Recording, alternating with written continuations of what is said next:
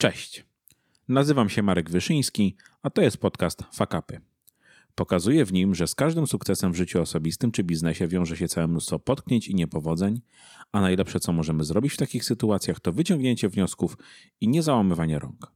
Mam nadzieję, że dzięki moim gościom i ich historiom uda się Wam uniknąć chociaż części z tych problemów, a kiedy już przydarzy się Wam fuck up, będziecie pamiętali, że to nie koniec świata, a po prostu kolejna lekcja. W szóstym odcinku podcastu goszczę Andrzeja Kozdębę, współwłaściciela agencji interaktywnej Brave New, właściciela marki i sklepu Koduj Mata. Andrzej to człowiek, który lubi mieć wszystko zaplanowane. Zdobył koronę maratonów polskich, jest wykładowcą akademickim i autorem bloga Ja Mówię To. Przez prawie pół roku łączył poznawanie Azji z pracą zdalną, prowadzeniem sklepu internetowego i agencji. Posłuchacie go również w podcaście Co nas kręci w internecie. Z dzisiejszej rozmowy dowiecie się m.in. jak współprowadzi się firmę będąc tysiące kilometrów od domu i swoich współpracowników, jakie są najczęstsze i najcięższe wyzwania w pracy z klientami przy tworzeniu identyfikacji marek i stron internetowych oraz z jakimi problemami mierzą się świeżo upieczeni przedsiębiorcy i pracodawcy i czego nauczyli się dzięki temu Andrzej i jego wspólnik Michał. Zapraszam do wysłuchania odcinka.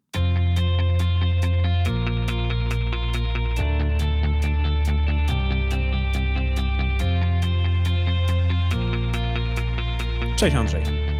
Cześć. Dzięki wielkie, że zgodziłeś się pojawić w podcaście i poopowiadać trochę o swoich fakapach. Natomiast na sam początku, tak jak wszystkich gości, chciałbym Cię poprosić o lekkie przedstawienie się, ale z takiej odrobinę innej strony. Nie chcę się mhm. dowiedzieć czegoś, co i tak mogę wyczytać w internecie, na fejsie, na Twoim blogu, e, tylko powiedz mi coś, co mogłoby mniej słuchaczy zaskoczyć. Andrzej Kozdęba, jakiego nie znamy. Andrzej Kozdęba, jakiego nie znamy. To jest dosyć trudne pytanie.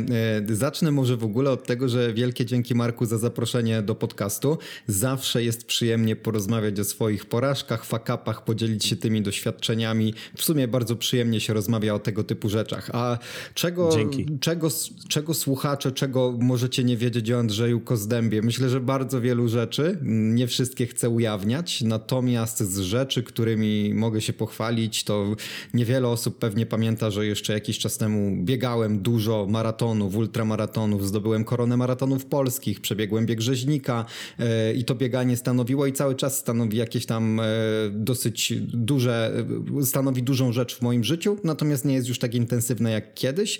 Jestem mhm. wielkim kibicem piłkarskim, uwielbiam FC Barcelonę, Krakowie i Stal Mielec, czyli klub z miasta, z którego pochodzę.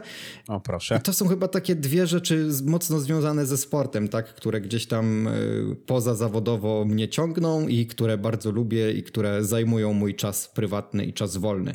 W sumie znajduje się to w internecie, no ale może akurat osoby, które słuchają podcast z tej strony mnie nie znają.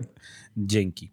E, zebraliśmy się tutaj, żeby pogadać o fakapach, więc powiedz mi, miałeś jakiś taki bardzo konkretny, fajny fakap w ostatnim czasie? Wiedziałem, że zadasz to pytanie i jest taki jeden fuck up, może nie z ostatniego czasu, ale mogę powiedzieć, że to jest największy fuck up, jaki kiedykolwiek zrobiłem, fuck up zawodowy. E, była to jedna z pierwszych moich prac e, związanych z tworzeniem stron internetowych. Pracowałem dla e, takiego, dla, dla takiej firmy jednoosobowej, gdzie mieliśmy specjalistę, który zajmował się robieniem szkoleń z rekrutacji i ten pan miał stronę zrobioną na jakimś celu CMS-ie. No i stwierdziłem, że miał tam jakieś małe zmiany, za które chciał zapłacić. Stwierdziłem, że ja w ramach dobrego rozpoczęcia, rozpoczęcia współpracy zrobię mu te zmiany, poprawię, no bo przecież coś tam się znam na stronach internetowych, mhm. piszę bloga, to nie musi być trudne, tak? No i wysadziłem stronę w powietrze, tak e, całkowicie. Namieszałem coś na serwerze takiego, że po prostu był dramat. Strona przestała działać w kilka sekund. E, nie wiedziałem, co zrobić, totalnie, całkowicie. Był była oczywiście godzina 18, bo robiłem to tak dodatkowo. No przecież co się może stać, tak? To jest przecież no mała stronka do zrobienia, niewielka poprawka, więc na pewno sobie dam radę. No mm -hmm. i mhm. dramat. E, musiałem się przyznać, powiedzieć, że zepsułem, że zniszczyłem, przeprosić, wziąć na siebie pełną odpowiedzialność. Wtedy jeszcze nie miałem pojęcia, że przywrócenie strony to jest wykonanie kilku kliknięć na serwerze i firma hostingowa może to zrobić bardzo szybko, więc stresu najadłem się co niemiara. Następnego dnia po kilku godzinach strona już działała, no ale nie był to najbardziej udany początek współpracy z jakimkolwiek pracodawcą, jak pewnie sobie możesz wyobrazić. Rozumiem. utrzymujecie jeszcze jakieś kontakty albo utrzymywaliście po tamtej wpadce? Y, tak, to nie było tak, że zostałem zwolniony tego samego dnia i natychmiast. Y, obyło się bez konsekwencji, mm, natomiast y, utrzymywaliśmy kontakt bardzo długo. Jeszcze później współpracowaliśmy razem. Dzisiaj już tego kontaktu nie mamy gdzieś bardzo daleko. To 10 lat temu praktycznie miała miejsce ta sytuacja, ale no większego fakapu zawodowego jeszcze nigdy nie miałem. Aha. To powiedz mi, czy to cię nauczyło, że warto się do takich fakapów przyznawać, że lepiej się przyznać, czy lepiej gdzieś, wiesz, ukryć, próbować to naprawić samemu, nie mówić, bo może się uda odzyskać, naprawić. Jak byś na to spojrzał Wiesz, teraz co? z perspektywy?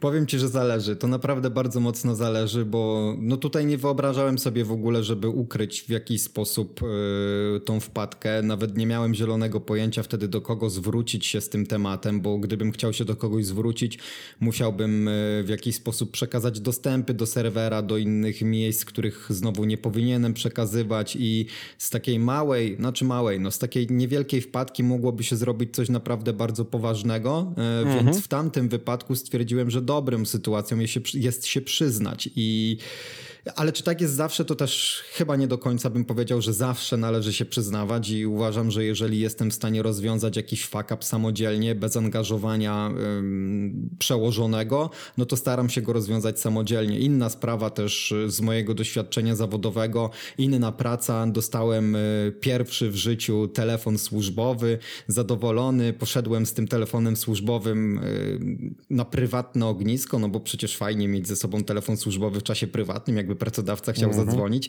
E, tu się śmieję oczywiście. No i co zrobiłem? Usiadłem na tym telefonie i złamałem go praktycznie na pół, nie? Więc no w tej sytuacji już no nie przyznawałem się w ogóle e, przełożonemu, tylko wymieniłem szybkę samodzielnie w tym telefonie, pokryłem wszystkie koszty, no bo no to była akurat tak niewielka rzecz, że stwierdziłem, że no, no mój błąd, tak, moja wina, niepotrzebnie go zabierałem ze sobą, więc no tutaj na pewno z tej, z, tego, z tej sytuacji wyciągnąłem taką nauczkę, że nie bierz swojej pracy w miejsca prywatne po prostu i kiedy jest czas na pracę, jest czas na pracę, a telefon służbowy nie zawsze musi być w twojej kieszeni. No pewnie. Więc wszystko zależy od sytuacji, od wielkości fakapu, od tego, jaki ten fakap może mieć wpływ na Twoją firmę, czy na firmę Twojego klienta, Twojego szefa.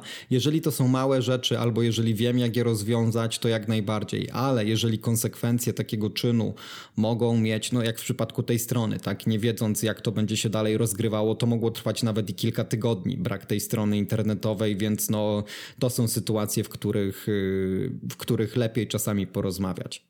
Mhm. A jak byś w takim razie zdefiniował w ogóle fuck up? Co to, co to dla ciebie jest? Fuck up jest to nieprzyjemna sytuacja, która wywołuje problemy w realizowanym projekcie. Okej, okay. bardzo... Wikipedia by Andrzej Kozdęba.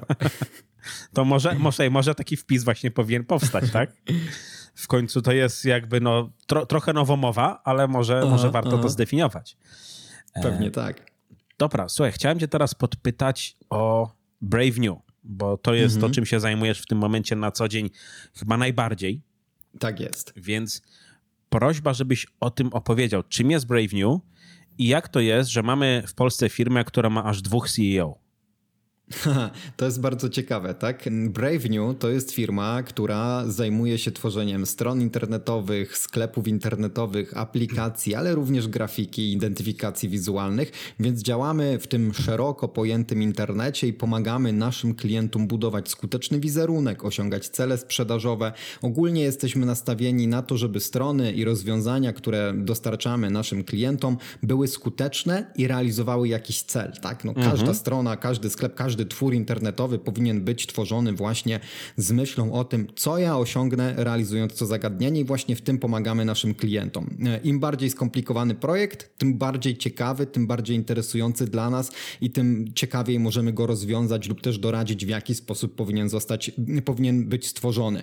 E, dlaczego dwóch CEO, COO, e, CEO, no widzisz, u nas tak to działa, że nawet nie potrafię wymówić czasami tej nazwy, dlatego, że po prostu No chyba mamy do siebie z Michałem takie zaufanie, bo znamy się już od 10 lat, że obaj mhm. wiemy, że działamy na zasadzie współpracy przy tej firmie. Ja bym nawet powiedział, że w Brave New nie ma ani jednego CEO, jest dwóch współwłaścicieli, yy, którzy wykonują różnego rodzaju zadania, ale obaj odpowiadają całym swoim sercem i całym swoim umysłem za tą firmę. Jest to yy, mamusia i tatuś. Okej, okej, okay, okay, rozumiem. tak, więc w ten sposób. Nie przeszkadza nam to, jeżeli chodzi o podejmowanie decyzji. Każdy z nas może też je podejmować indywidualnie, aczkolwiek no, mamy taką po prostu nie wiem, chęć bycia równymi wobec siebie, pomysł jest nasz, agencja jest nasza mhm. w 100%. Myślę, że to też nie jest taka jednorazowa sytuacja, ale tyle, że różnie nazywane są w Polsce różne stanowiska, tak? Mhm. I to CEO dla mnie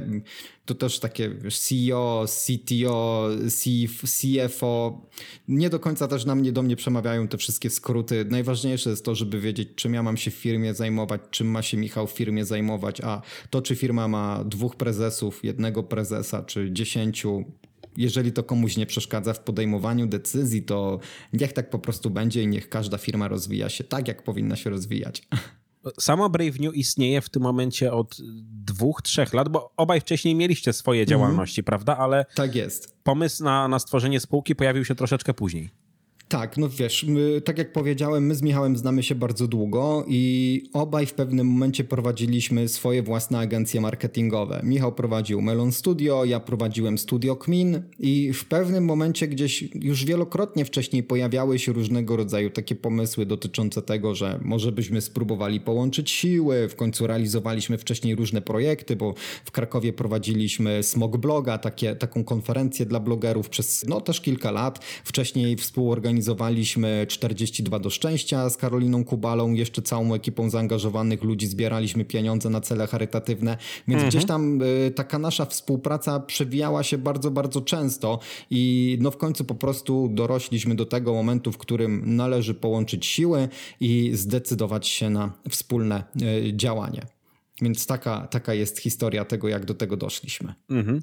No właśnie, bo to jest troszeczkę inna działalność niż ta wasza pierwotna. Tak jak mówisz, obaj mieliście takie strzelam, jednoosobowe agencje marketingowe albo... Małe, tak, małe albo agencje. malutkie, mhm. a w którymś momencie no to jest już, ok, spółka plus tworzenie zespołu, tak? No bo w tym momencie w, w samym Brave New to już jest, nie wiem, 8-10 osób, mhm, tak? Mhm.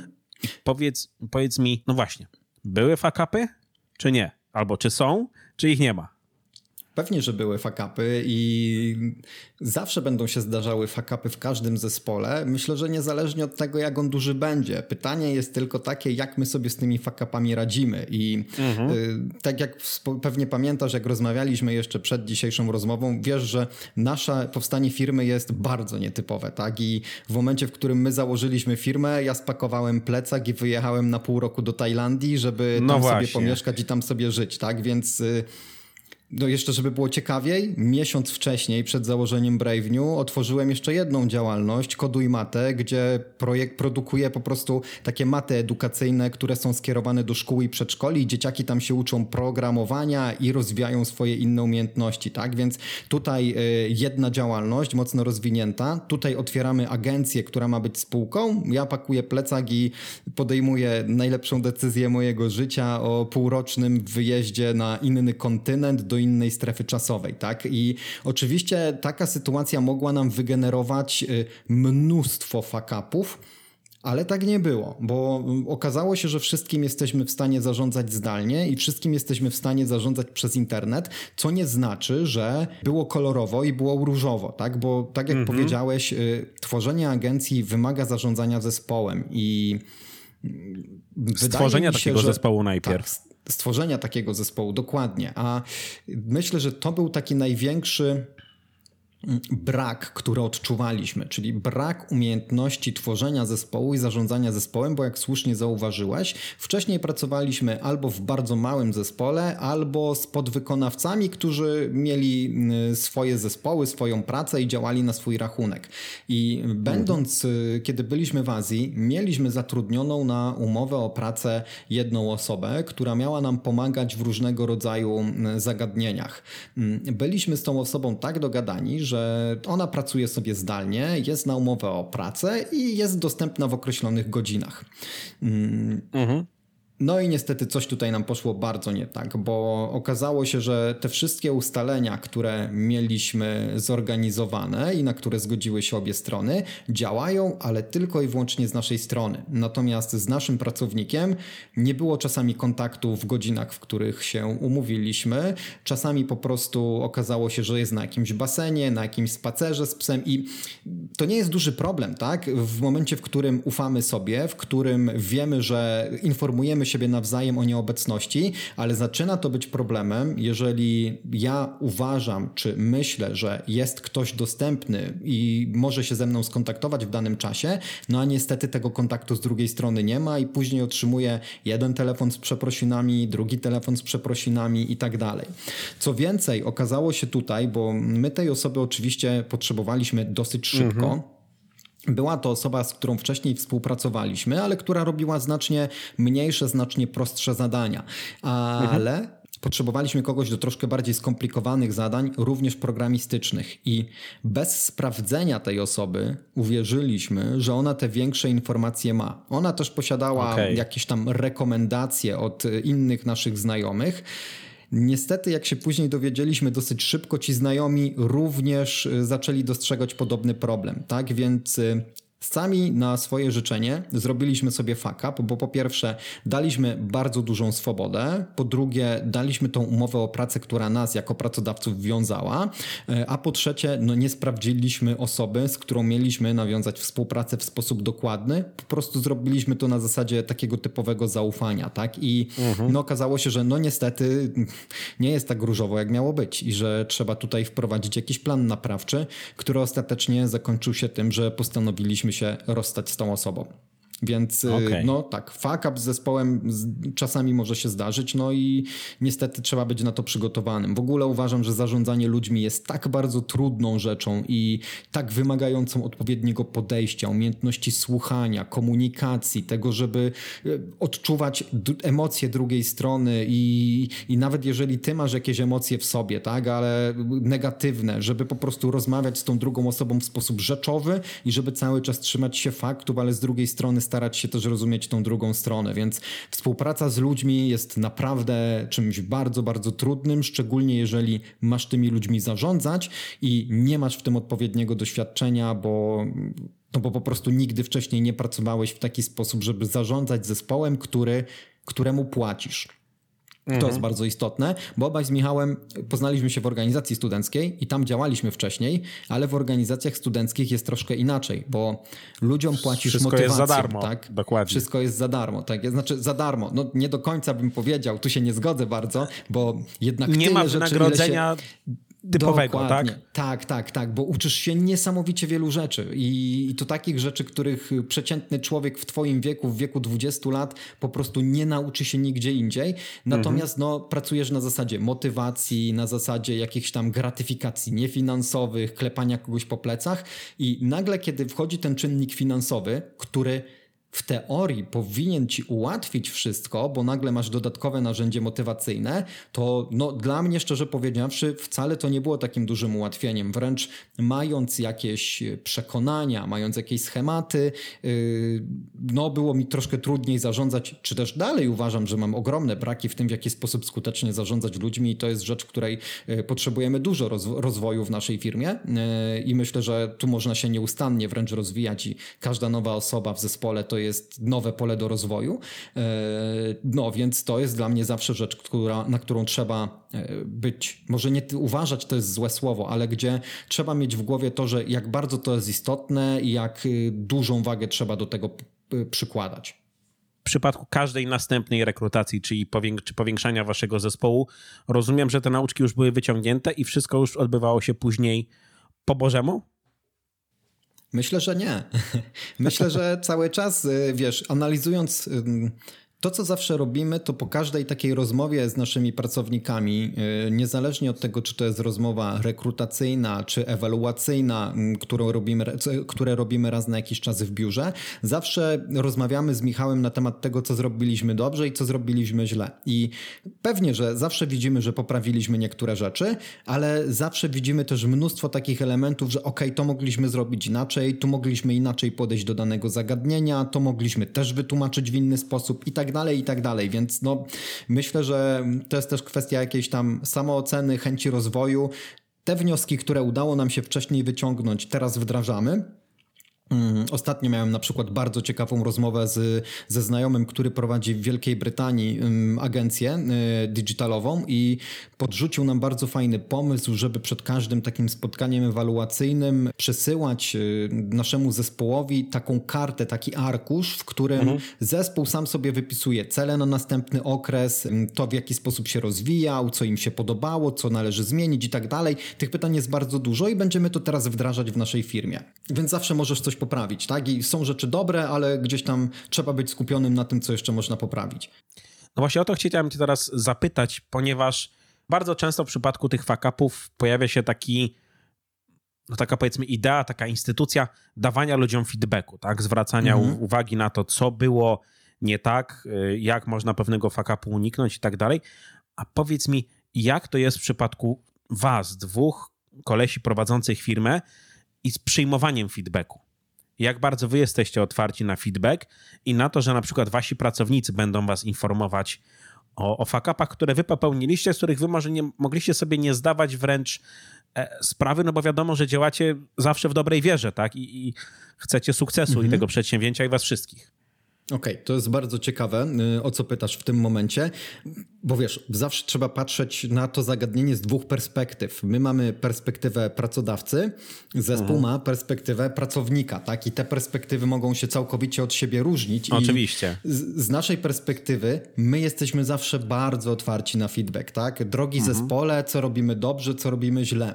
Natomiast z drugiej strony zespół już niekoniecznie będzie aż tak chętny i otwarty na to, żeby dawać ten feedback, tak? Szczególnie jeżeli zespół podświadomie czuje, że mogą tutaj być jakieś problemy. Ok, teraz powiem im, że coś mi się nie podoba, a za dwa, ty, dwa miesiące oni mi powiedzą do widzenia, tam są drzwi, tak? Więc y, ta taka, my myślę, mamy bardzo fajne relacje w zespole, bardzo otwarty zespół, zaangażowany, wręcz y, czasami to czujemy, że klawiatury w biurze płoną i no, naprawdę myślę, że momentami nie jestem w stanie wyrobić nawet jednej dziesiątej produktywności tego, co robią niektórzy w naszym zespole i czapki z głów dla nich mm, z tego powodu, e, bo mamy super zespół właśnie też przez to, że jest on bardzo zaangażowany, bardzo blisko i też bardzo otwarty na to, żeby nam przekazywać informacje zwrotne, a przynajmniej ja chcę w to wierzyć, e, że tak właśnie jest. Tak więc no, tutaj zawsze zachęcamy i podczas tych spotkań, o których wspomniałem, czyli tych, podczas których ewaluujemy sobie pracę zespołu i oceniamy to, co zostało zrobione dobrze, co zostało zrobione źle, też zawsze pytamy zespół o to, jakie oni mają e, uwagi co do nas, tak? co powinniśmy w firmie mhm. poprawić, co można jeszcze ulepszyć. No, tutaj kluczem do tego jest nie brać tego, tej informacji zwrotnej osobiście, tak? I mhm. myślę, że to jest rzecz, której trzeba się nauczyć. To jest trudne, bo nikt nie lubi być krytykowany, nawet jeżeli mówimy o tym właśnie, że żeby udzielając informacji zwrotnej oceniaj zachowanie, a nie oceniaj drugiego człowieka, tak? Tak się mówi, jest jedna z zasad udzielania feedbacku. No i w teorii brzmi to super, ale jeżeli ktoś jest troszkę bardziej uczuciowy, powiedzmy, no to no co, no po prostu przyjmie to do siebie, nawet jeżeli mówimy o jego zachowaniu, tak? Więc Dokładnie. Y, to jest dla każdego bardzo dużo. Zresztą wiesz, no nawet takie sytuacje, jak mam dzisiaj zły humor, a dodatkowo oni wzięli mnie na rozmowę, albo pracownik mi dodatkowo powiedział, że uważa, że biuro jest zasyfione i że powinniśmy posprzątać, tak? No Teoretycznie, tak, akurat nie dostaliśmy takiego feedbacku, ale. Rozumiem, że jest zawsze idealnie wysprzątane, tak? Teraz już tak, ale na pewno nie zawsze tak było, tak? Szczególnie jak zaczynaliśmy.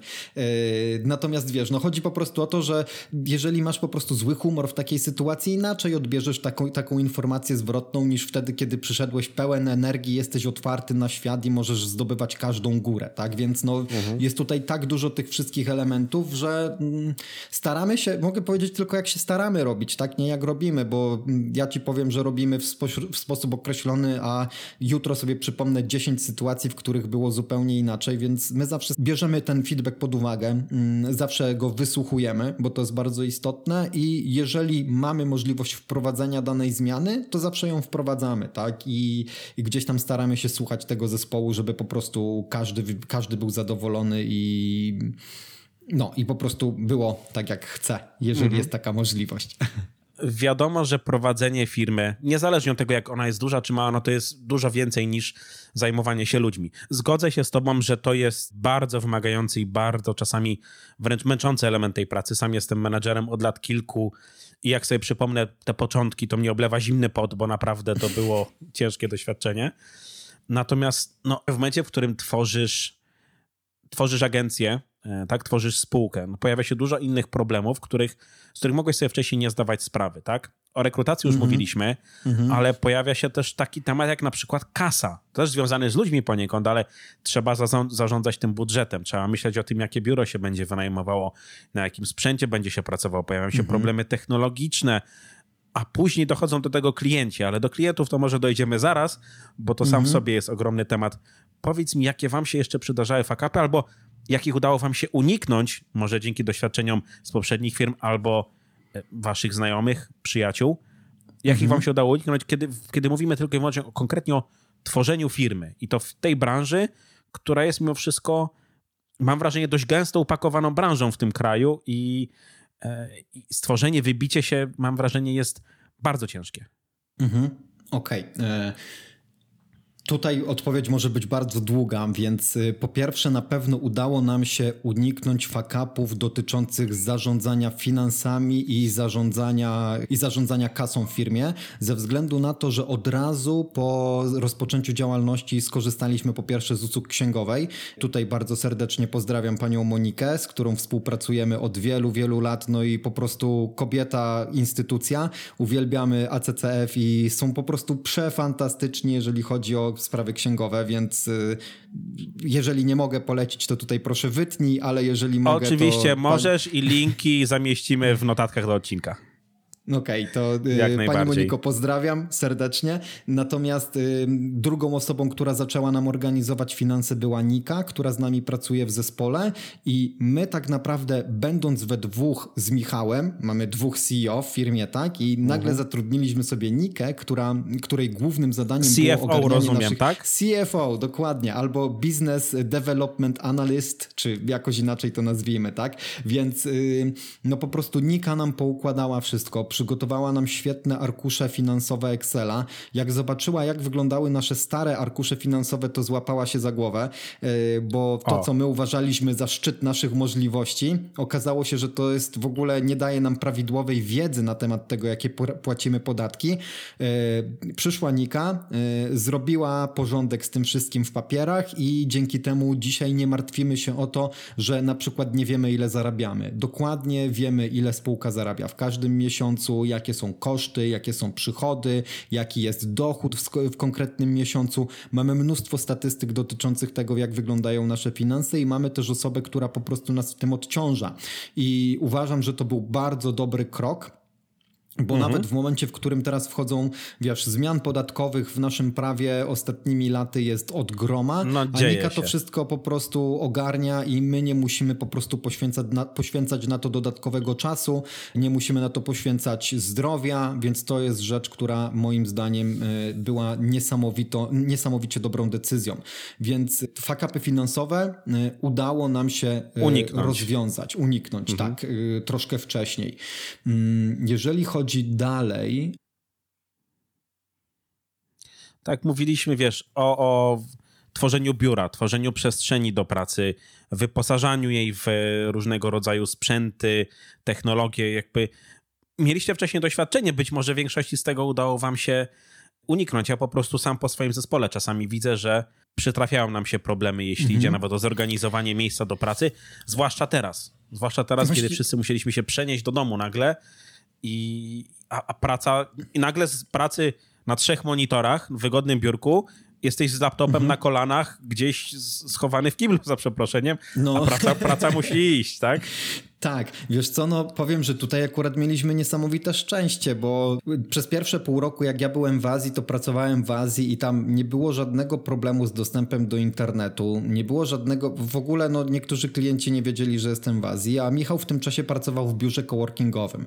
Po przyjeździe do Krakowa podjęliśmy decyzję, że musimy wynająć biuro i drugie biuro, które oglądaliśmy, okazało się, że to jest biuro naszych marzeń, jesteśmy tam do dzisiaj, od czasu do czasu myślimy o przeprowadzce, pracę e, i cynk o tym, że to biuro jest wolne, mm, dała mi znajoma, którą poznałem w BNI, czyli w takiej, w takiej grupie rekomendacyjnej, grupie networkingowej, do której postanowiliśmy dołączyć, więc mhm. nie mieliśmy, po pierwsze wyeliminowaliśmy problem z lokalem dzięki temu, że poznaliśmy odpowiednią osobę, która powiedziała nam, że drzwi w drzwi, z nią jest wolne biuro, okazało się, że biuro jest fenomenalne.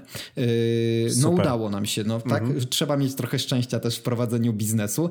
Yy, następnie jeżeli chodzi o przypływ nowych zleceń, to z kolei no, byliśmy cały czas młodą firmą, ale dołączyliśmy do tej grupy networkingowej, skąd pozyskiwaliśmy naprawdę mnóstwo zleceń, więc mieliśmy czas też, żeby okay. po prostu sprzedawać i mieliśmy, no zresztą mieliśmy też dużo, wielu klientów, którzy byli naszymi poprzednimi klientami, tak, z poprzednich, z poprzednich firm, którzy przyszli po prostu za nami, więc nie mieliśmy takiego problemu, że pojawiamy się nagle na rynku i jesteśmy nową firmą, która ma puste portfolio i zamiast pracować za pracę, to y, musimy pracować właśnie za, do portfolio, tak? Więc mhm. od razu mogliśmy wejść na odpowiedni poziom. I najważniejszy fuck up, którego nam się udało uniknąć, y, od początku założyliśmy, że nie będziemy konkurować cenami. I nie było czegoś takiego, że mhm. wchodzimy na rynek i robimy stronki internetowe za 1000 zł, tylko od razu wiedzieliśmy, w jakiej niszy chcemy być, wiedzieliśmy, komu chcemy sprzedawać projekty i wiedzieliśmy, jakie projekty chcemy realizować. To jest błąd, który popełniłem otwierając Studio Kmin, czyli mm, tą wcześniejszą firmę, z której, mhm. na, z, z której powstała, powstała powstało później Brave New. Tam y, z moim wspólnikiem Wojtkiem założyliśmy, że na początku zrobimy sobie świetną promocję, robiąc mega tanie i proste strony internetowe ale zaczęliśmy robić właśnie w ten sposób. Okazało się, że nie ma z tego praktycznie żadnego dochodu, bo projekty, które myśleliśmy, że zrealizujemy w miesiąc, ciągnęły się po 2-3 miesiące.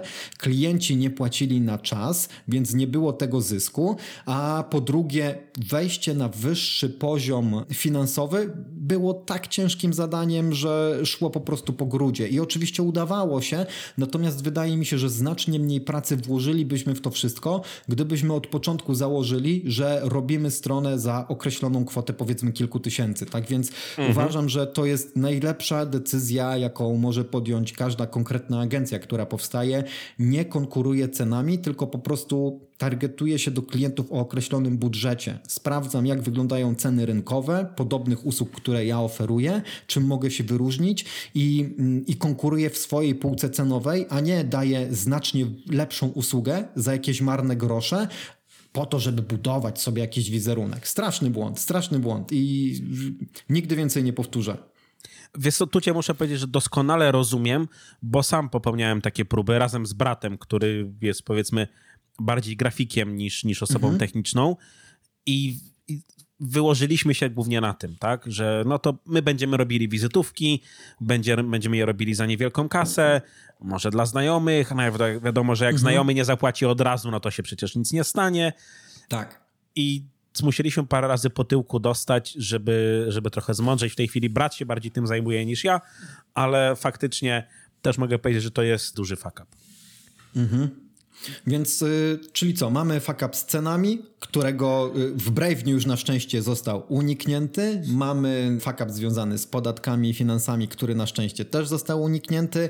No i mnóstwo szczęścia związanego z logistyką, bo tak jak wspomniałem, biuro zostało nam polecone, ale mhm. również y, od Ani, naszej sąsiadki, dostaliśmy mnóstwo jakichś tam mebli, które im nie były potrzebne. Kurczę, wiesz, taka... Rewelacja każda taka wyciągnięta ręka do młodego przedsiębiorcy to niczym manna z nieba, nie? Więc tutaj następne pozdrowienia lecą do Ani, naszej sąsiadki z obobloku.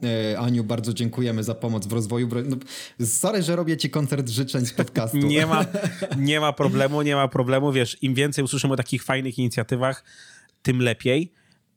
Czyli powiedz mi, poradziłbyś w takim razie dołączenia do jakichś takich grup networkingowych w momencie, w którym jesteś początkującym przedsiębiorcą? Bo tak jak mówisz, wam to dało mhm. niesamowicie dużo. Troszeczkę tak, szczęścia, tyle... tak, ale skorzystaliście na tym bardzo fajnie. Mhm, tak, natomiast pamiętaj, że my nie byliśmy do końca początkującymi przedsiębiorcami.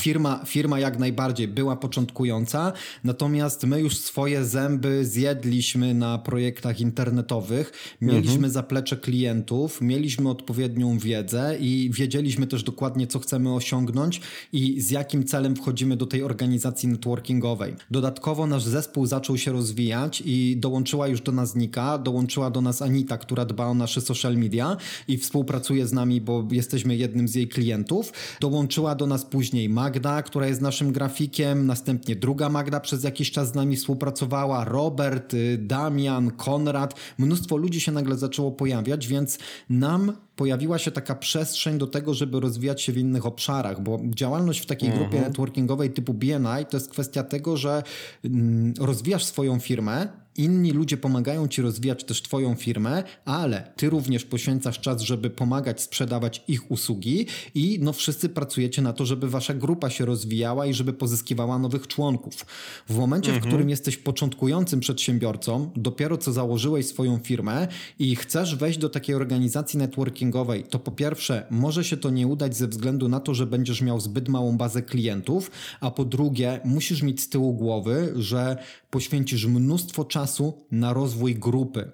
A ten czas mhm. być może powinieneś wykorzystać, oczywiście to być może, powinieneś wykorzystać na rozwój swojej własnej firmy i dopiero kiedy będziesz miał odpowiednią przestrzeń na to, żeby budować relacje z innymi przedsiębiorcami, być może warto poczekać te kilka miesięcy, albo być może nawet kilka lat i dopiero wtedy do tej grupy dołączyć. Więc jeżeli założyłbym swoją pierwszą firmę, na pewno w tym momencie, mając taką wiedzę, jaką mam, nie poszedłbym do organizacji networkingowej, z tego względu, że wiem, że ja nie byłbym dla nich odpowiednim zasobem.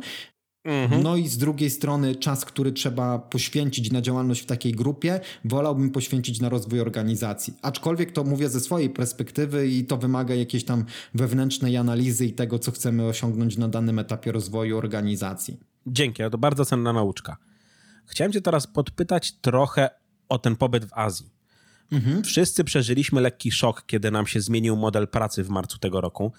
I mhm. mam wrażenie, że czasami takie poradzenie sobie, tak jak mówiliśmy, z tym, że pracujesz nie z biurka w pracy, tylko z wygodnego fotela w salonie, tak spędziłem ostatnie pół roku, może mhm. być lekkim problemem.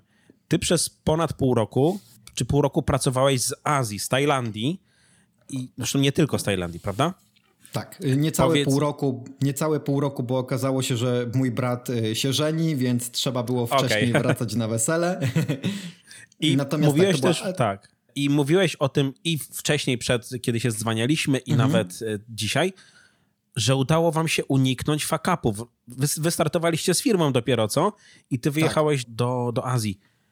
Jak to zrobić? Jak uniknąć mhm. tych fakapów? Bo ja mam wrażenie, że nawet mówię, coś takiego i fakt, że w ogóle rynek pracy się troszeczkę modyfikuje i być może za pół roku wszyscy będziemy, o ile oczywiście trochę sytuacja związana z COVID-em się uspokoi, za pół roku, rok, wszyscy będziemy troszeczkę takimi cyfrowymi nomadami. Jak uniknąć problemów w czymś takim? Bo mnie się to wydaje niemożliwe. Mhm, Okej, okay. no to takie trochę chodzenie jak po polu minowym było, tak? I w każdym momencie możesz wejść na niepewny grunt. Dlatego my od początku wiedzieliśmy, jaka będzie nasza ścieżka. Mieliśmy rozplanowaną dobrze mapę i wiedzieliśmy, jakie fakapy mogą się nam przydarzyć i jak ich chcemy uniknąć. Plus no mieliśmy też, myślę, już dosyć spore doświadczenia w pracy zdalnej, bo wcześniej Michał przez trzy miesiące pracował zdalnie z Meksyku. Już w tym mhm. czasie pracowaliśmy zdalnie z niektórymi naszymi programistami, więc wiedzieliśmy po prostu, jak do tego podejść. No i byliśmy po prostu bardzo dobrze przygotowani do tej przygody. No przede wszystkim wiedzieliśmy, jaka jest różnica czasu między Polską i Azją, więc nie mhm. stanowiło żadnego problemu nieco przestawić swój czas pracy, żeby robić sobie regularne zdzwanianie się z Michałem i omawiać sprawy dotyczące rozwoju firmy, dotyczące zarządzania, czy tego, jak idą nam po prostu projekty. Raz w tygodniu mieliśmy ustalony czas, to było popołudnie czasu tajskiego, poranek czasu polskiego, gdzie zdzwanialiśmy się na około godzinę i dyskutowaliśmy na temat różnych rzeczy, natomiast resztę komunikacji prowadziliśmy albo podczas krótkich koli też w określonych godzinach, albo na Slacku, albo na mailu, więc komunikacja nie stanowiła żadnego problemu.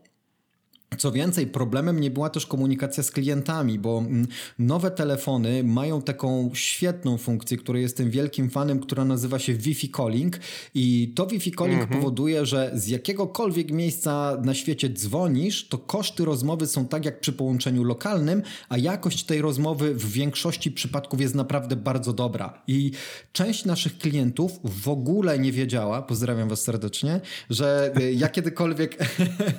że Teraz ja kiedykolwiek dowiadują, tak? Azji. Teraz się dowiadujecie, tak. O, to, to, mogliśmy od tego zacząć, tak? Czego nie wiedzą niektórzy klienci Brave'niu, tak?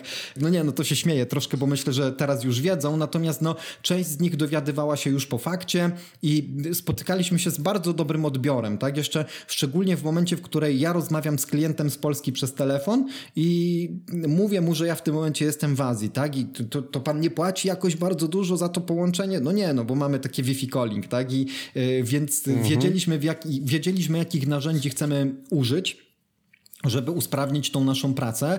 To jest jedna rzecz. Po drugie, mieliśmy dobry reżim pracy narzucony pod względem tego, że wiedzieliśmy, ja wiedziałem w jakich godzinach Michał jest dla mnie dostępny, Michał wiedział w jakich ja godzinach jestem dostępny. Oczywiście brałem też pod uwagę to, że część klientów może próbować się ze mną skontaktować w godzinach późniejszych, no ale na to się godziłem, tak, że mhm. czasami w godzinach późno popołudniowych musiałem odbyć jaką, jakiegoś kola z klientem, który po prostu wtedy tylko miał czas albo musiałem odebrać jakiś telefon spacerując sobie gdzieś tam e, po Tajlandii czy Wietnamie, więc na to była moja wewnętrzna zgoda, tak? I wiedziałem po prostu na, to, na co się pisze. Nie, nie przeszkadzało mi to w żaden sposób, aczkolwiek wiem, że dla niektórych mogłoby być to uciążliwe.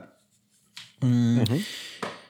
Jeżeli chodzi o jakieś tam inne rzeczy, bardzo dobry research yy, robiliśmy, przeprowadzając się z miejsca na miejsce. My z moją narzeczoną jeździliśmy wtedy dosyć dużo po całej Azji, tamtej, tamtej części, czyli Tajlandia, Wietnam, Laos, yy, Kambodża, Malezja i Singapur, więc sprawdzaliśmy zawsze wcześniej, jakie będzie połączenie internetowe z danego miejsca. Mieliśmy w sumie chyba tylko jeden taki fuck up na samym początku, że host, hotel czy hostel, który reklamował się jakimiś tam hasłami. Yy, rapid internet, super fast internet connection, my friend i okazało się, że po przyjeździe no, był dramat. Był taki dramat, że po prostu płakałem, jak odpisywałem na maile.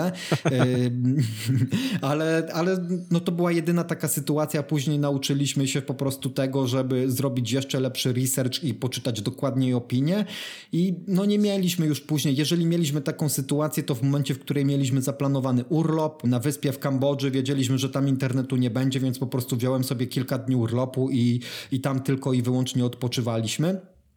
Nie mieliśmy też problemu z prądem, mimo że to była pora deszczowa, tu akurat tak fajnie trafiliśmy, że tylko w Laosie przez dwa dni, przez dosłownie 2-3 godziny i raz w Kambodży nie mieliśmy prądu, no ale tak jak mówię, na to byliśmy przygotowani, mieliśmy dodatkowy internet w telefonie kupiony, więc zawsze można było doładować kartę i wykorzystywać mhm. ten internet mobilny. No a w przypadku no, braku, braku prądu, no to trzymała bateria przez jakiś czas i yy, na szczęście nigdy nie było tak, że ten czas braku, braku prądu był dłuższy niż, niż czas e, wytrzymania, e, więc e, mhm. to takie, wiesz, dobry research, tak? Czyli sprawdzam sobie dokładnie, gdzie będę, jakie mam warunki, w jaki sposób będę pracował. O dziwo nie mieliśmy żadnych większych fakapów. No, wszystkie projekty wtedy szły bardzo sprawnie, bardzo dobrze.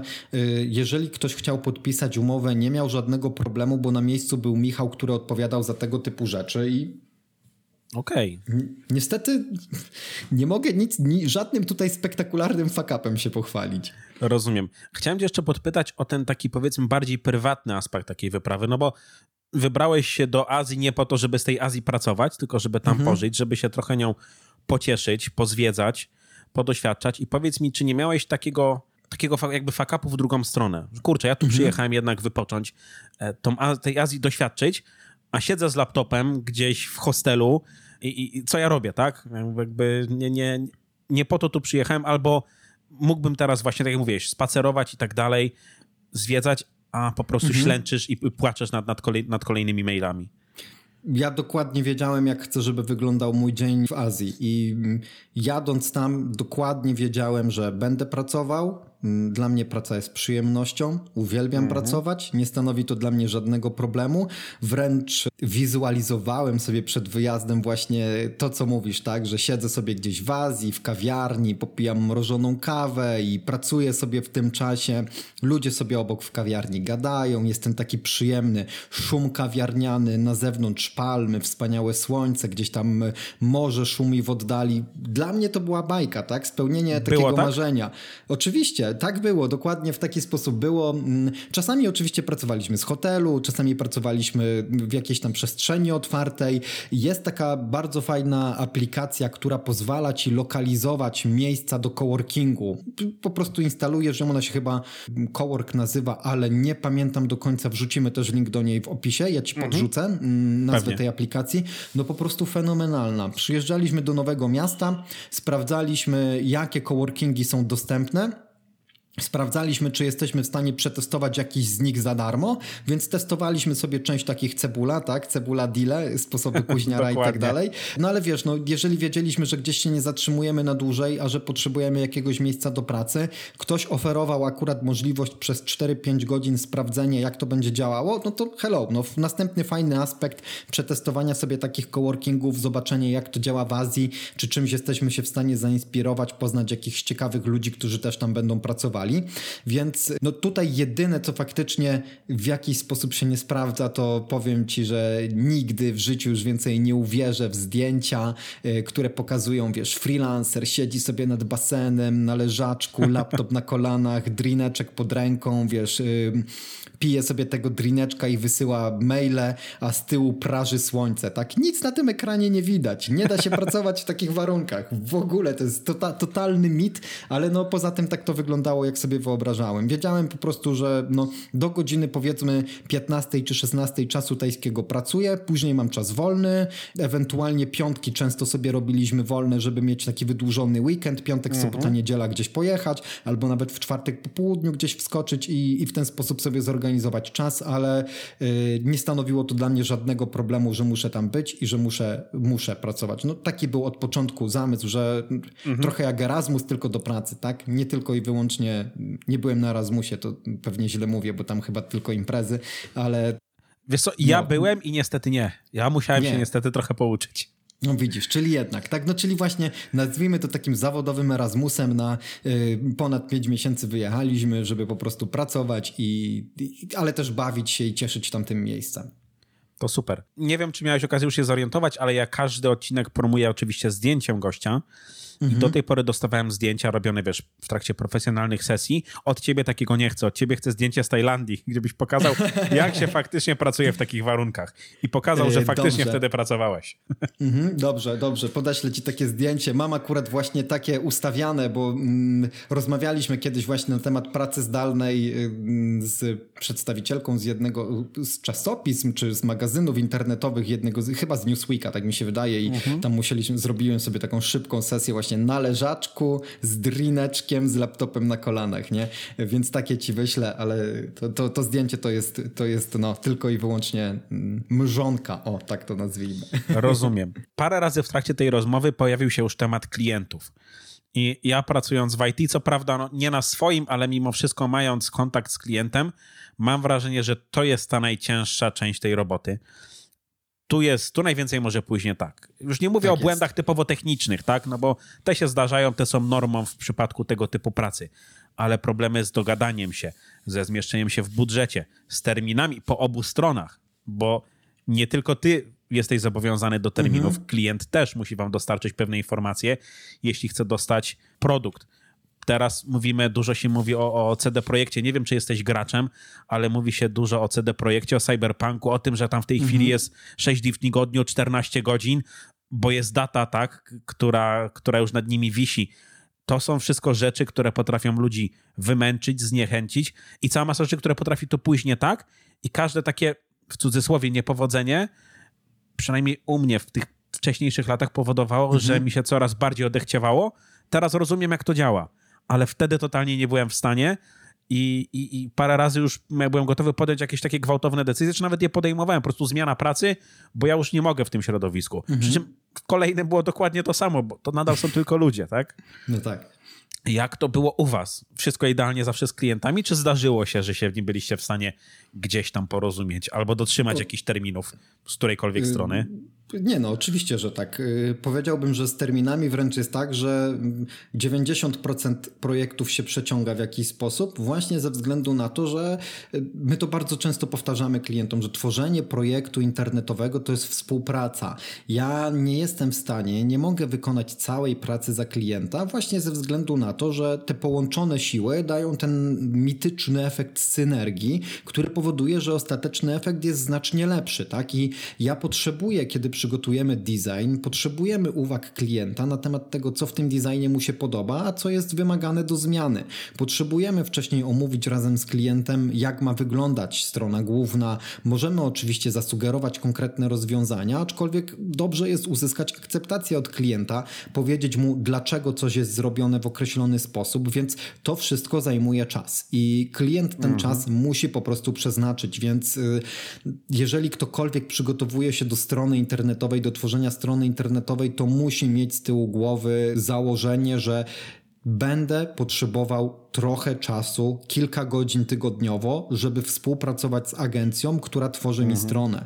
Nawet jeżeli chcę zlecić całość projektu, czyli grafikę, kodowanie i do tego jeszcze napisanie tekstów, to i tak ktoś z tej firmy będzie musiał zadzwonić, zapytać, jak te teksty mają być wykonane, zapytać o jakieś podstawy do stworzenia tych tekstów, żeby po prostu mieć jakiś background, informacje na temat firmy, na temat tego, co ma zostać stworzone. I dlatego właśnie z tej perspektywy uważam, że bardzo trudno dowieść projekt, jeżeli nie mamy tej dyscypliny w sobie i zarówno z jednej, jak i z drugiej strony, trudno jest po prostu dowieść projekt w terminie. No to niestety jest przykre, bo klient zwykle, może niezwykle, ale klienci czasami myślą, że my tych projektów nie, nie chcemy dowozić jakoś, bo od początku zakładamy, że projekt będzie wykonany szybciej albo że mhm. specjalnie podajemy krótszy termin, żeby nasza oferta była bardziej konkurencyjna. No nie, nam również zależy na tym, żeby projekt był zrealizowany jak najszybciej. I tu nie chodzi tylko i wyłącznie o rentowność takiego projektu, ale również o to, że projekt, który przeciąga się, wpływa negatywnie na kolejne projekty. Jeżeli dwa projekty nam się obsuną, to nagle nie możemy zacząć nowego projektu lub zaczynamy go, ale po prostu palą nam się ręce i nie do końca wiemy, do którego wiadra je włożyć, bo do każdego pasowałoby coś do, dołożyć. No tak, tak Więc, to, już, no... to już idzie lawinowo wtedy. Tak, tak. Więc y, nam zależy na tym, żeby projekty kończyły się terminowo i robimy zawsze wszystko, żeby te terminy były dotrzymane. Oczywiście, czasami nie jesteśmy w stanie mm, przewidzieć niektórych okoliczności, bo mm, na pewnym etapie projektu może okazać się, że dana funkcjonalność, y, która ma zostać wdrożona, jest znacznie bardziej skomplikowana, albo okazuje się, że no po prostu klient nie, dos nie dosyła treści, nie komunikuje się z nami. Mieliśmy taki przypadek y, takiego klienta, który nie odzywał się przez 2-3 trzy miesiące, a potem z dnia na dzień oczekiwał, że strona zostanie wdrożona w ciągu dwóch, trzech dni, tak? Gdzie no regularne mhm. telefony, regularne maile po prostu nic nie dawały. Mamy też takie przypadki, że po prostu no u klienta w rodzinie na przykład stało się coś złego i też mhm. mieliśmy takie współprace, że po prostu projekt został zawieszony na kilka miesięcy właśnie z racji jakiegoś tam wydarzenia osobistego i my bardzo doceniamy, jeżeli klient nam wcześniej albo jeżeli nie można wcześniej, ale po prostu powie, że słuchajcie, teraz nie będziemy mogli się kontaktować z jakiegoś tam powodu, rozliczmy dotychczasowe prace i wrócimy do projektu za jakiś czas po prostu jak sobie wszystko poukładam. My to bardzo doceniamy, bo po prostu wiemy, że zwalniają nam się moce przerobowe i możemy zacząć realizację następnego projektu.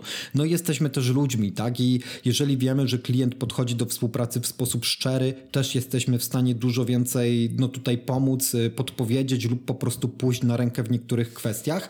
Więc tak, no te, te, te, te sytuacje, w których treści są niedostarczone albo feedback jest opóźniony, no są dla nas mocno kłopotliwe. Z drugiej strony one wpływają negatywnie nie tylko na jeden projekt, ale również na pozostałe projekty. Oczywiście nie twierdzę, że ani my, ani żadna inna agencja nie jest w 100% święta i uważam, że to wiesz, też dużo zależy od tego, jak sobie poukładasz współpracę z klientem na samym początku. Jeżeli od mhm. początku w tej relacji będzie takie rozluźnienie, tak, e, umawiam się z klientem, że drogi kliencie, wyślę ci umowę jeszcze dzisiaj, a wysyłam tę umowę następnego dnia, to wiesz, jeżeli ja sam wprowadzam tego typu rozluźnienia i brak terminowości w projekcie, no to nie mogę być później w żaden sposób negatywnie nastawiony czy zdziwiony, że klient też y, nie dotrzymuje terminów, tak? I dodatkowo jeszcze Oczywiście. w tym momencie sam na początku wytrąciłem sobie jakikolwiek oręż z ręki, bo jeżeli ja jestem nieterminowy, to co powiem klientowi, że przepraszam kliencie drogi, weź mi podeślij poprawki, bo dzisiaj jest termin, tak no jest to niepoważne wydaje mi się wręcz tak można powiedzieć, więc no więc ta terminowość powinna być zawsze dotrzymywana z jednej i z drugiej strony, plus tej jasne reguły ustalone na początku współpracy. Jak zacznie się współpraca, tak ta współpraca będzie wyglądała później. Jeżeli będziemy na początku podchodzili do projektu bardzo luźno, myśląc, że w ten sposób zbudujemy jakąś fajną relację z klientem, no to wydaje mi się, że nie tędy droga. Bardziej ten właśnie profesjonalizm, ale też taki profesjonalizm z ludzką twarzą, tak? Komunikacja szczera, mhm. otwarta, poznanie siebie, poznanie się z klientem i to pozwala unikać większości fuck upów, ale te, które są najczęstsze, to są właśnie te związane z terminami lub te związane z dodatkowymi pracami, które mają być wykonane na stronie internetowej. To jest druga mhm. grupa bardzo poważnych fuck upów. No właśnie, mm. chciałem cię o to zapytać, o te dodatkowe prace, a może inaczej, dodatkowe, ale w tym aspekcie nieprzewidziane oryginalnie. Bo to jest mhm. to, co ja widzę bardzo często w, w swojej branży, ten tak zwany scope creep. Zakładamy mhm. sobie coś, umawiamy się na coś, Później przychodzi klient czy, czy, czy na jakikolwiek inny interesariusz, mówi bardzo fajnie, to jeszcze to, to, to i to, w tym samym budżecie tak. na ten sam termin. Do widzenia, tak? I, i mhm. wiadomo, jeśli jesteś w korpo, to nie, nie zawsze nawet możesz prowadzić dyskusję. U was to wygląda trochę inaczej. Jak się przed czymś takim zabezpieczyć, albo jak wyjść z tego, kiedy to już się stanie, bo tak mówisz, to cały, cały czas pracujemy tylko z ludźmi, tak? Którzy może mhm. nie do końca wiedzą, oni, może inaczej, oni bardzo często nie wiedzą, tak. jak wygląda wasza praca. Dla nich to jest czarna skrzynka. On przychodzi do, do agencji, usiądzie sobie chłopak, zrobi mi stronkę w dwa dni, nie? Mhm. Często tu masz to... 100% racji. To jest dokładnie y, tak. No, klient po prostu nie wie i to jest, to jest bardzo istotne, żeby sobie to uświadomić, że mm, po pierwsze klient może rozumieć zupełnie coś innego przez to, co ty rozumiesz. Tak? Mieliśmy na przykład taką sytuację, że jedna klientka chciała, żebyśmy jej wycenili branding, czyli dla nas jest to informacja, że mamy jej wycenić prace graficzne, natomiast no, zrobiliśmy i wysłaliśmy jej tą wycenę i dostaliśmy taką informację zwrotną, że no przecież ona chciała, żeby żebyśmy jej wycenili stronę internetową, a dostaje wycenę prac graficznych, tak? I czasami po prostu jest tak, jak mówisz, mhm. klient po prostu nie musi się znać, bo z drugiej strony ja pójdę do generalnego wykonawcy i on mi, czy też architekta i po prostu dostanę też prawdopodobnie dużo pojęć na twarz, które są dla mnie całkowicie niezrozumiałe i kwestia mhm. jest tego, żeby rozmawiać z klientem ludzkim językiem i to jest bardzo istotne rozmawiać, tak? Jeżeli nie jestem czegoś pewien, dopytuję, dlatego my zawsze przed rozpoczęciem rozpoczęciem każdego, nawet małego projektu piszemy specyfikację, w której uwzględniamy mhm. wszystkie funkcjonalności projektu i dokładnie taką specyfikację mm, przygotowujemy, przepracowujemy ją z klientem. Klient ma możliwość zgłoszenia poprawek do tej specyfikacji, później zatwierdza tą specyfikację i specyfikacja jest załącznikiem do umowy. Bez specyfikacji okay. nie zaczynamy teraz projektu, więc w sytuacji, w której nagle w środku projektu klient do nas przychodzi i mówi: Panie Andrzeju, zróbmy jeszcze to, to, to i to, to ja sobie sprawdzam taką specyfikację i mówię, ok, tak drogi kliencie, faktycznie pominęliśmy tą rzecz, a jest ona w specyfikacji, więc ją wykonujemy, natomiast te dwie pozostałe nie były uwzględniane, one nie znajdują się w wycenie, my o nich nie rozmawialiśmy wcześniej, no i po prostu nie możemy ich wykonać w tym budżecie, to będą dodatkowe prace, które możemy zrealizować najchętniej po zakończeniu projektu, tak żebyśmy utrzymali ten termin, który mamy do zrealizowania i później rozpoczęcie prac nad tymi dodatkowymi zagadnieniami, no chyba, że to są małe po prostu jakieś rzeczy, to Wtedy robimy je w projekcie i mhm. w trakcie projektu, tak? Więc ta specyfikacja, no powiem ci, teraz jest y, to słowo roku, tak? Game changer. I y, mhm. dla nas to był prawdziwy game changer, ta specyfikacja i odkąd zaczęliśmy pisać specyfikację, nagle y, mamy po prostu narzędzie, na które zgodziły się wcześniej obie strony i takie ustalenie, dokładne spisanie tych wszystkich wymagań, bo okej, okay, ja mogę później chodzić po mailu, szukać tych wszystkich rzeczy, które były ustalone z klientem, mm -hmm. no ale wiadomo, że no, ciężko się tego szuka wszystkiego. a w specyfikacji mamy dokładne informacje na temat tego, jaki jest zakres działania. Co więcej, teraz zrobiliśmy sobie jeszcze takie rozszerzenie do tej specyfikacji, bo stworzyliśmy takie karty projektu, które, mhm. m, które mają tam zawarty opis specyfikacji, to znaczy link, w którym znajduje się specyfikacja w wersji elektronicznej ale także w którym znajduje się zestawienie wszystkich dodatkowych prac. Więc mamy taki jeden plik, w którym wpisujemy, tak, e, budżet ustalony z klientem, powiedzmy 30 tysięcy, dodatkowe prace 5 e, tysięcy, w nawiasie czy tam w jakimś następnym polu mail z dnia takiego i takiego, o tej i o tej godzinie, wątek taki i taki. E, następnie, następne prace dodatkowe 10 tysięcy, mail z dnia takiego i takiego, na nadawca taki i taki, tak? Więc w tym momencie, nawet po zamknięciu projektu, projektu, kiedy klient nie mieliśmy takiej sytuacji, ale wyobrażam sobie, że może coś takiego nastąpić, że klient łapie się za głowę i Jezus Maria, tutaj miał być budżet 20 tysięcy, a jest 25 tysięcy i z czego to wynika, tak? I w tym mhm. momencie ja nie muszę szukać po wszystkich konwersacjach i gdzie się znajdują te ustalenia, tylko mam bardzo prosty dokument, w którym mam wszystkie prace dodatkowe spisane i dzięki któremu jestem w stanie z tym klientem rozmawiać na temat tych ustaleń, które były, yy, no, które były wcześniej spisane i które były były zatwierdzone przez klienta. Do tej pory sprawdza nam się to fantastycznie i fenomenalnie, aczkolwiek mm, jeżeli chodzi o tą specyfikację, to faktycznie mm, raz mimo wszystko nie była ona dla nas odpowiednią obroną, bo napisaliśmy ją oczywiście w dobrej wierze, ale niezbyt dokładnie. Zostawiliśmy tam pole do mhm. interpretacji i w momencie, w którym pierwszy raz pozwoliliśmy klientowi na pozytywną interpretację specyfikacji według jego zamysłu, no niestety później poszła lawina i mhm. projekt skończył się bardzo nieprzyjemnie, ale na szczęście polubownie. Natomiast no tutaj po prostu wiedzieliśmy dokładnie, że w tym wypadku robimy wszystko tak, jak miało być zrobione i wszystkie ustalenia są wprowadzane zgodnie z zapisami specyfikacji, ale przez to, że zostawiliśmy w niektórych miejscach otwartą furtkę, na przykład dodaliśmy ITP w nawiasie, tak, że e, wśród możliwości, które będzie miał klient w tym miejscu, będzie dodanie tego, tego, tego ITP, tak, i te takie ITP były interpretowane przez klienta jako bardzo szeroki i bardzo otwarty katalog. No dokładnie. No, dla mnie ITP w tym momencie to jest słowo zakazane, które całkowicie wyrzuciłem ze słownika ze specyfikacji. No, no niestety, no strasznie kosztowny błąd dla nas, y, ale bardzo potężna nauczka. Te wszystkie zmiany wprowadzaliśmy też dodatkowo za darmo, przez co później, kiedy no, było po prostu łatwiej wynegocjować kolejne rzeczy, tak? I, i, i nam też no, po prostu wszystkie argumenty sami sobie znowu wytrąciliśmy z ręki na samym mhm. początku, więc jeżeli jest specyfikacja, no to ona musi być dokładnie napisana. No, taka specyfikacja w tym momencie czasami zajmuje nam 30, 40, 50 stron, czasami krótsze. Wow. Jeżeli są, jest to mały mhm. serwis, to oczywiście jest to 10 stron na przykład, ale no z zwykle są to już dwucyfrówki i no staramy się po prostu dokładnie to opisać, bo no to ma być, to jest też z korzyścią dla klienta. Jak klient ma taką specyfikację, to wie też z czego nas rozliczyć, co zostało wdrożone, co nie zostało wdrożone i mm, nie lubię sytuacji, w której dostaję umowę i specyfikację bez żadnego komentarza klienta, no bo wiem, że później może być na tej podstawie mm, może nie tyle nieprzyjemności, co mogą pojawiać się jakieś tam konflikty czy nieporozumienia. To powiedz mi, warto prowadząc taką agencję mieć gdzieś na podorędziu prawnika? Czy to jest coś, co się przydaje? Czy w przypadku nawet tworzenia ramy takiej specyfikacji, czy to, jest, mhm. czy to są rzeczy, które się przydają, czy może inaczej, czy przydawały się wam?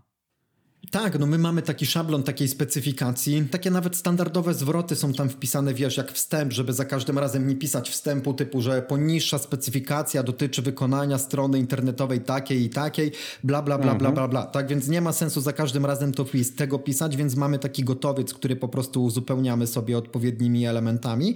Natomiast w dużej części specyfikacja jest tworzona pod konkretny projekt po prostu i no bo każdy projekt jest inny w jakiś sposób. Jeżeli mhm. chodzi o prawnika z kolei, na pewno warto mieć kogoś, z kim jesteśmy w stanie szybko skonsultować. To, na, wiesz, to dużo zależy. My jesteśmy wciąż, uważam, małą agencją i Raczej ostatnio trafiamy tylko na klientów, z którymi nie mamy problemów, żadnych. I jeżeli chodzi o płatności, te płatności są mhm. realizowane albo w terminie, albo w miarę w terminie. Jeżeli chodzi o, o zakres prac, po prostu ta specyfikacja jest dla nas świetnym narzędziem, które pozwala nam na, na pracę. Mamy też świetne umowy przygotowane przez biuro przez kancelarię prawną, więc dokładnie też wiemy, jak one powinny być skonstruowane i co się w nich znajduje. I te, te umowy są skonstruowane tak, że z jednej strony chronią klienta, ale z drugiej strony dają też nam pewną ochronę i no, nie mieliśmy takich w tym momencie problemów, żebyśmy musieli, jeden raz korzystaliśmy tak z takiej bardzo rzetelnej i dosyć długotrwałej pomocy prawnej, jeżeli chodzi o współpracę z klientem, akurat odnośnie tego projektu, gdzie posypała nam się specyfikacja. Natomiast mhm. z pozostałymi projektami nie mieliśmy takich sytuacji, żeby po prostu gdzieś klient ostatecznie nie zapłacił, nie rozliczył się z nami. Raczej były to wszystko projekty prowadzone w dobrej wierze, gdzie obie strony chciały się dogadać, więc wszystkie w tym momencie rozliczenia mamy pozamykane i nie potrzebujemy takiej pomocy prawnej, aczkolwiek no nie powiedziałbym, że nawet w małej agencji i brak jakiegokolwiek zaufanego prawnika, który choćby trochę zna twoją firmę jest dobrym pomysłem. To nie musi być jakaś kancelaria, przynajmniej takie jest moje zdanie przy takiej małej agencji, która pracuje z tobą dzień w dzień, natomiast no zlecenie niektórych umów nie wysłałbym klientowi umowy, którą sam przygotowałem lub którą posklejałem sobie z jakichś gotowców internetowych. Są po prostu rzeczy, którymi powinien zająć się prawnik i, te, i taką zaufaną osobę czy taką zaufaną kancelarię powinniśmy gdzieś na podorędziu mieć. Mam do ciebie w zasadzie ostatnie pytanko związane z mhm. tą twórczością, prowadzeniem takiej agencji. Wiadomo, tworzymy, tworzycie identyfikacje wizualne, tworzycie strony, mhm. logotypy i, i tak dalej, itp., tak? Tak. Słuchaj, to może być tak, że no tu jednak, jednak wchodzą w to wszystko ludzkie gusta, tak? Wy się umówicie mhm. z klientem na coś, umówicie się na, na, kierunek, w który idziecie, tak? Jeśli idzie mhm. o tą, mhm. podejrzewam, że są on, klienci też wam dają jakieś inspiracje, rzeczy, które im się podobają, być może na pewno to poprzedzacie wywiadem, przy czym klient przyjdzie, nie, słuchajcie, to jest brzydkie, albo pokazałem szwagrowi, szwagier mówi, że on by zrobił lepsze, nie? I jakby mhm. e, e, zdarza wam się coś takiego? Wiesz, to jest właśnie, tak jak powiedziałeś, kwestia gustu i kwestia trafienia w gust klienta. Natomiast Zdarzyło nam się raz taka sytuacja. To już było półtorej roku temu.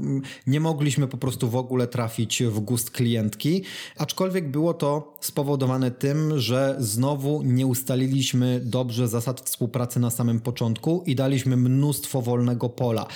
Teraz, kiedy pracujemy z klientem nad tego typu elementami, przygotowujemy bardzo dobry wywiad i brief dotyczący takiego logotypu, tak? Bo nawet jeżeli klient, oczywiście, tak jak w przypadku stron internetowych, internetowych to będzie współpraca. Ja potrzebuję wiedzieć, jaki ty masz gust, żeby zrobić dla ciebie dobrą identyfikację wizualną. No, choćbym miał najlepsze intencje, a każdy projektant graficzny takie intencje jak najlepsze zawsze ma, no to po prostu musimy porozmawiać, muszę się dowiedzieć, czego konkretnie potrzebujesz, jakim jesteś człowiekiem, co się tobie podoba, jakie benchmarki, czyli takie jakieś odpowiedniki, czy mm, rzeczy, które mogą być dla nas wskazówką, będą miały zastosowanie. Te wszystkie informacje są niezwykle cenne, natomiast najgorsza jest sytuacja, w której przychodzi do nas klient i mówi proszę mnie zaskoczyć.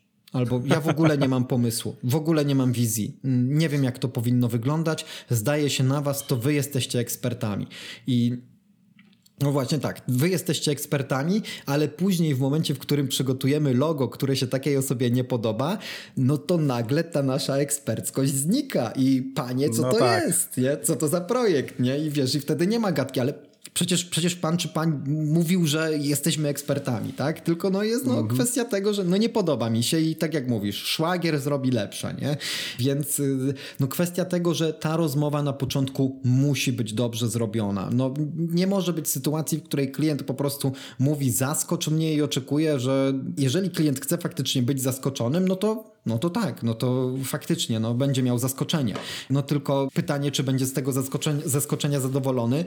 Ja osobiście uważam, że niespodzianki w biznesie nie są do końca tym, co tygrysy lubią najbardziej, więc lepiej dobrze zrobić taką rozmowę, przegadać, jak ma wyglądać taki element, który jest do zaprojektowania. Wiesz, też nie chodzi o to, żeby te informacje były bardzo konkretne, od tego klienta. Oczywiście im bardziej konkretny, tym lepiej, ale jeżeli są jakiekolwiek, to jest już jakaś podstawa do pracy. Gorzej, jeżeli nie ma żadnych podstaw, tylko są właśnie jakieś elementy, które są, jakieś informacje, które są przedzielone kilkudziesięcioma, nie wiem, nie wiem, nie wiem, nie wiem, tak? I mhm. to jest najgorsza sytuacja. No w tym momencie byśmy bardzo uważali na taki projekt i wydaje mi się, że nawet nie podjęlibyśmy współpracy z taką osobą, która no po prostu nie chce współpracować, tylko, tylko no, ma jakąś tam wizję, jak ta współpraca powinna być wykonana. Tu też wydaje mi się, że warto wspomnieć właśnie o tym, że warto mieć takie zaufanie do osób, które zatrudniamy, czy to freelancerów, czy to agencji. Jeżeli już płacimy komuś, kto jest ekspertem, to po prostu no zdajmy się na jego ekspertyzę, tak? I jeżeli jakaś mhm. agencja ma proces, który sprawdził się 50 razy wcześniej, 500 razy wcześniej, to po prostu y, podążajmy za tym procesem, bo najprawdopodobniej wtedy osiągniemy najlepsze rezultaty. Więc no, tutaj znowu wracamy do komunikacji, tak? Czyli czy to komunikacja mhm. w zespole, czy to komunikacja z klientem.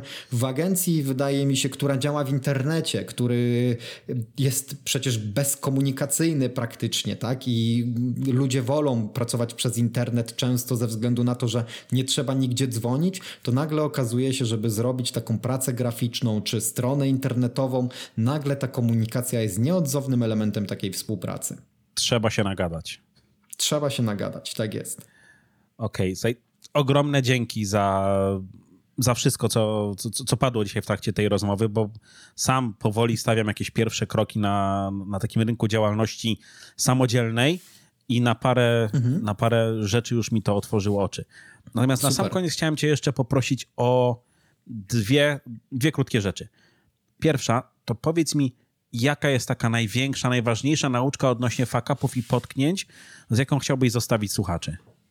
Tu będzie chwila ciszy, bo to nie jest łatwe pytanie. Wyedytuję. Spokojnie. Zawsze bądź przygotowany. To jest chyba to, czego między innymi nauczył mnie wyjazd do Azji zawsze bądź po prostu przygotowany na to, że fuck up może nadejść, ale jeżeli będziesz miał rozwiązanie, będziesz wiedział w jaki sposób z tym fuck upem sobie poradzić, ten fuck up nie będzie taki straszny, więc... Yy, zastanów się, co może pójść nie tak i miej przygotowane rozwiązania, bo nawet w sytuacji, kiedy ten fuck up, który nadejdzie, będzie całkowicie niespodziewany, inny niż ten, na który byłeś przygotowany, to będzie łatwiej znaleźć inne rozwiązania i zacząć myśleć kreatywnie, jeżeli rozwiązałeś wirtualnie 10 innych fuck upów. Więc y, to przygotowanie jest moim zdaniem kluczowe w każdej dziedzinie i podobnie w takim przypadku, kiedy nagle na naszej drodze projektowej pojawiają się niespodziewane elementy. Pewnie nie jestem oryginalny w tej zasadzie z przygotowaniem. Powiem ci, że nie. To jest coś, co mnie, co mnie troszeczkę zaskakuje w tych rozmowach, bo każda osoba mówi co innego. Mhm. Ta nauczka na koniec odcinka, ona się nigdy, ona się jeszcze nie powtórzyła. To za Super. każdym razem jest, jest coś innego i, i to mi się, to mi się cholernie podoba, tak? Bo e, sam nie wiem, czy, był, czy bym wymyślił nawet połowę z tych rzeczy, a to za każdym mhm. razem jest, e, jest jakaś inna lekcja. I ostatnie pytanie, powiedz mi, gdzie cię znaleźć? Okej, okay, to znajdziecie mnie przede wszystkim w Krakowie w tym momencie, w biurze Brave New na Berka Joselewicza. Znajdziecie w internecie pod adresem www.bravenew.pl. To jest adres naszej agencji, w ramach której tworzymy projekty internetowe, ale również zapraszam e, do tego, żebyście zajrzeli na kodujmata.pl, szczególnie jeżeli macie dzieciaki, które chodzą do szkoły podstawowej, przedszkola. Tam po prostu znajdziecie informacje na temat produktów edukacyjnych, które sprzedajemy. No i mam jeszcze bloga który powoli dogorywa, ale który cały czas jest dostępny w sieci. Ja mówię, kropka, to tam jest sporo wpisów na temat pracy zdalnej, podróży, ale też takiego biznesowego ogarnięcia, czy też wystąpień publicznych, w których przez długi czas się specjalizowałem. Więc mhm. dużo miejsc do odwiedzenia. Mi, blog jeszcze wraca, czy tak jak mówisz, to już jest etap e, dogorywania jakiegoś live supportu? Wiesz co, no w tym momencie działamy sobie z podcastem na Bravenew, którego też możecie posłuchać. Y, mam koduj matę, mam Bravenew, mam pomysły na inne działalności. Nie będę usuwał, ja mówię to, bo y, generuje mi to chociażby jakiś dochód związany z reklamami AdSense, które sobie jakiś czas temu tam założyłem. Raz na jakiś czas przychodzi mnie taka myśl, żeby opublikować te wpisy, które mam zapisane do szkiców i cały mhm. czas tam wiszą, a są już praktycznie skończone w 90%, więc to jest do dogorywanie, jeszcze nie śmierć, ale raczej już y, nie będzie to mm, powrót do drugiej młodości, raczej powiedzmy gdzieś tam ten sam etap, który jest teraz, czyli raz na bardzo, bardzo długi czas jakiś wpis się pojawi pewnie tam na blogu, ale te archiwalne treści bardzo polecam, bo no zresztą zajrzyjcie, zajrzyjcie sami. Również polecam. Czytałem prawie wszystkie, także zdecydowanie mogę polecić. Wow. Bardzo mi miło. E, dzięki ogromne za rozmowę. Na Kodu i Matę na pewno zajrzę, bo mam pięcioletnią córę, więc zobaczymy, co się, co się mm. uda z tego wyczarować. Także jeszcze raz, dzięki ogromne za rozmowę i za podzielenie ja się swoimi fakapami. To jest pierwszy podcast, w którym jestem gościem, więc y, tym bardziej dziękuję za zaproszenie. Wielka przyjemność i myślę, że bardzo ciekawa rozmowa. Jakby wszyscy zadawali tak trafne pytania jak ty, to byłyby same dobre podcasty na świecie. Dzięki. Dzięki, do usłyszenia. Dzięki. Cześć. Do usłyszenia. Cześć. Dzięki wielkie za wysłuchanie odcinka. Na sam koniec mam do Was jeszcze małą prośbę. Niezależnie od tego, czy słuchacie odcinka przez iTunes, Spotify, YouTube czy jakikolwiek inny serwis, Oceniajcie, subskrybujcie i komentujcie. Dzięki temu będę wiedział, jak robić ten podcast jeszcze lepiej. Do usłyszenia w następnym odcinku. Cześć!